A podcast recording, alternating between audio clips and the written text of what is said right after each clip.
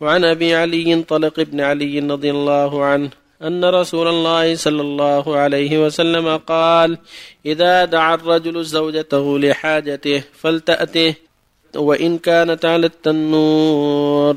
رواه الترمذي والنسائي وقال الترمذي حديث حسن صحيح. وعن أبي هريرة رضي الله عنه عن النبي صلى الله عليه وسلم قال لو كنت آمرا أحدا أن يسجد لأحد لأمرت المرأة أن تسجد لزوجها. رواه الترمذي وقال حديث حسن صحيح. وعن أم سلمة رضي الله عنها قالت قال رسول الله صلى الله عليه وسلم أيما امرأة ماتت وزوجها عنها راض دخلت الجنة. رواه الترمذي وقال حديث حسن وعن معاذ بن جبل رضي الله عنه عن النبي صلى الله عليه وسلم قال لا تؤذي امرأة زوجها في الدنيا إلا قالت زوجته من الحور العين. لا تؤذيه قاتلك الله فإنما هو عندك دخيل يوشك أن يفارقك إلينا. رواه الترمذي وقال حديث حسن. وعن أسامة بن زيد رضي الله عنهما عن النبي صلى الله عليه وسلم قال ما تركت بعدي فتنة هي أضر على الرجال من النساء. متفق عليه. بسم الله الرحمن الرحيم. الحمد لله وصلى الله وسلم على رسول الله وعلى آله وأصحابه ومن اهتدى به أما بعد قد سبق ما يتعلق بحق الزوجة على زوجها وتقدم أيضا بعض ما يتعلق بحق الزوجة على الزوجة. والخلاصة أن الواجب على الجميع التعاون على الخير. الرجل يجب عليه يؤدي حقها ويستوصي بها خيرا كما قال صلى الله عليه وسلم استوصوا بالنساء خيرا. والله يقول جل وعلا وعاشرهن بالمعروف. ويقول سبحانه ولهن مثل الذي عليهن بالمعروف وللرجال عليهن درجة. فالواجب عليه يؤدي حقها ولها رزقها وكسوتها وإحسان العشرة وطيب الكلام وعدم الإيذاء بغير حق وعليها هي السمع والطاعة. لزوجها وعدم عصيانه في المعروف ومن ذلك ما ذكر هنا فإن الزوجة حق زوجها عليها عظيم فالواجب عليها أن تجتهد في ذلك. ولهذا تقدم قوله صلى الله عليه وسلم إذا جعل الرجل امرأته إلى فراشه فأبت أن تجي لعنة الملك حتى تصبح وفي اللفظ الأركان الذي في السماء ساخط عليها حتى يرضى عنها. وهنا يقول إذا جعل الرجل امرأته لحاجته فلتجبه ولو كانت على التنور يعني ولو كانت مشغولة بشيء من مشاغل البيت. طاعته مقدمة على مشاغل البيت.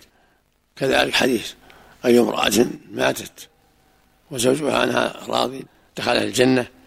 هذا من أسباب التوفيق كونها تطيعه وتستقيم على طاعته في المعروف.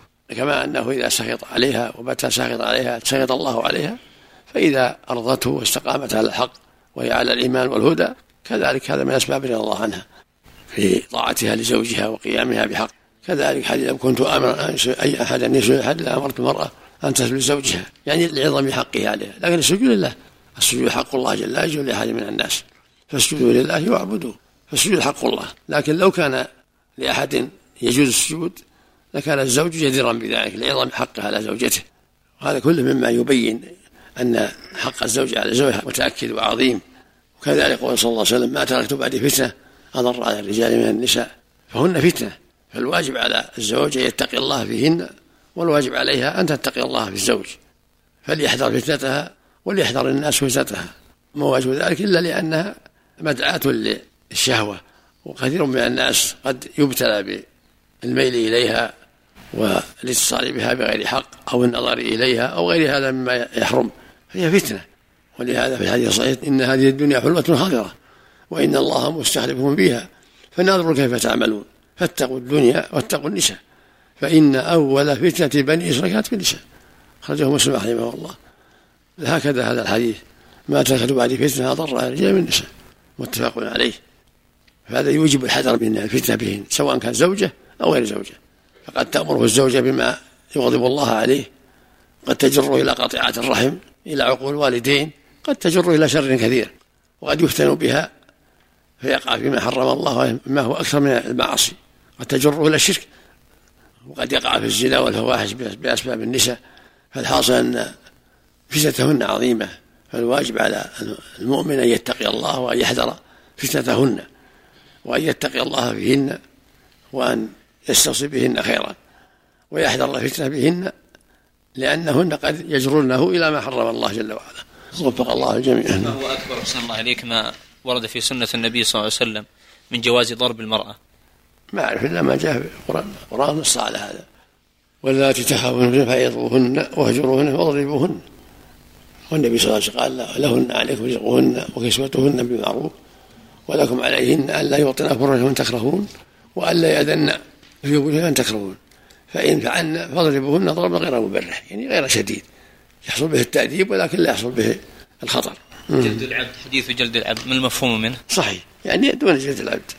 دون جلد العبد. يعني, يعني يخاف منه صلى الله إليك صحة حديث طلق بن علي. أيه. إذا دعا امرأته فلتأته إن كانت على ما, التوبة ما رجعت أو ما رجعت السانيد لكن الأحاديث الصحيحة. السند معي أقرأ عليك السند الله عليك أقول السند معي. إيه. نعم. تقرأ. يقول حدثنا هناد. أخبرنا ملازم ابن عمرو.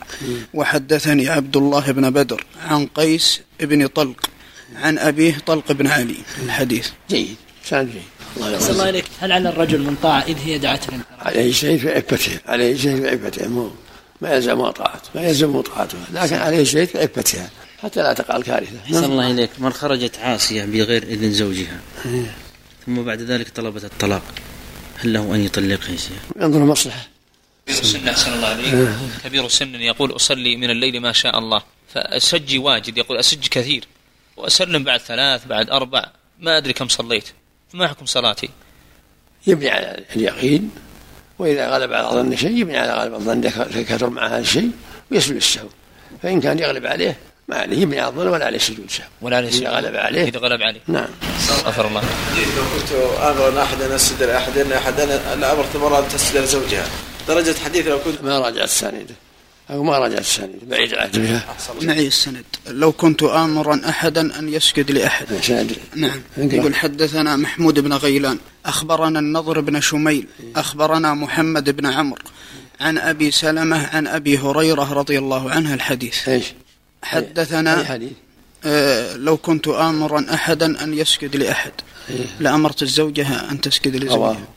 رواه الترمذي. جيد لا بأس سنده جيد نعم. حديث الحور العين من أساءت إلى زوجها أن حور العين تفعل له كذا تقول الله أعلم. كذلك يحتاج نظر لكن الأحاديث الصحيحة تكفي. أقول الأحاديث الصحيحة تكفي. الحمد لله. لكن يستشهد به؟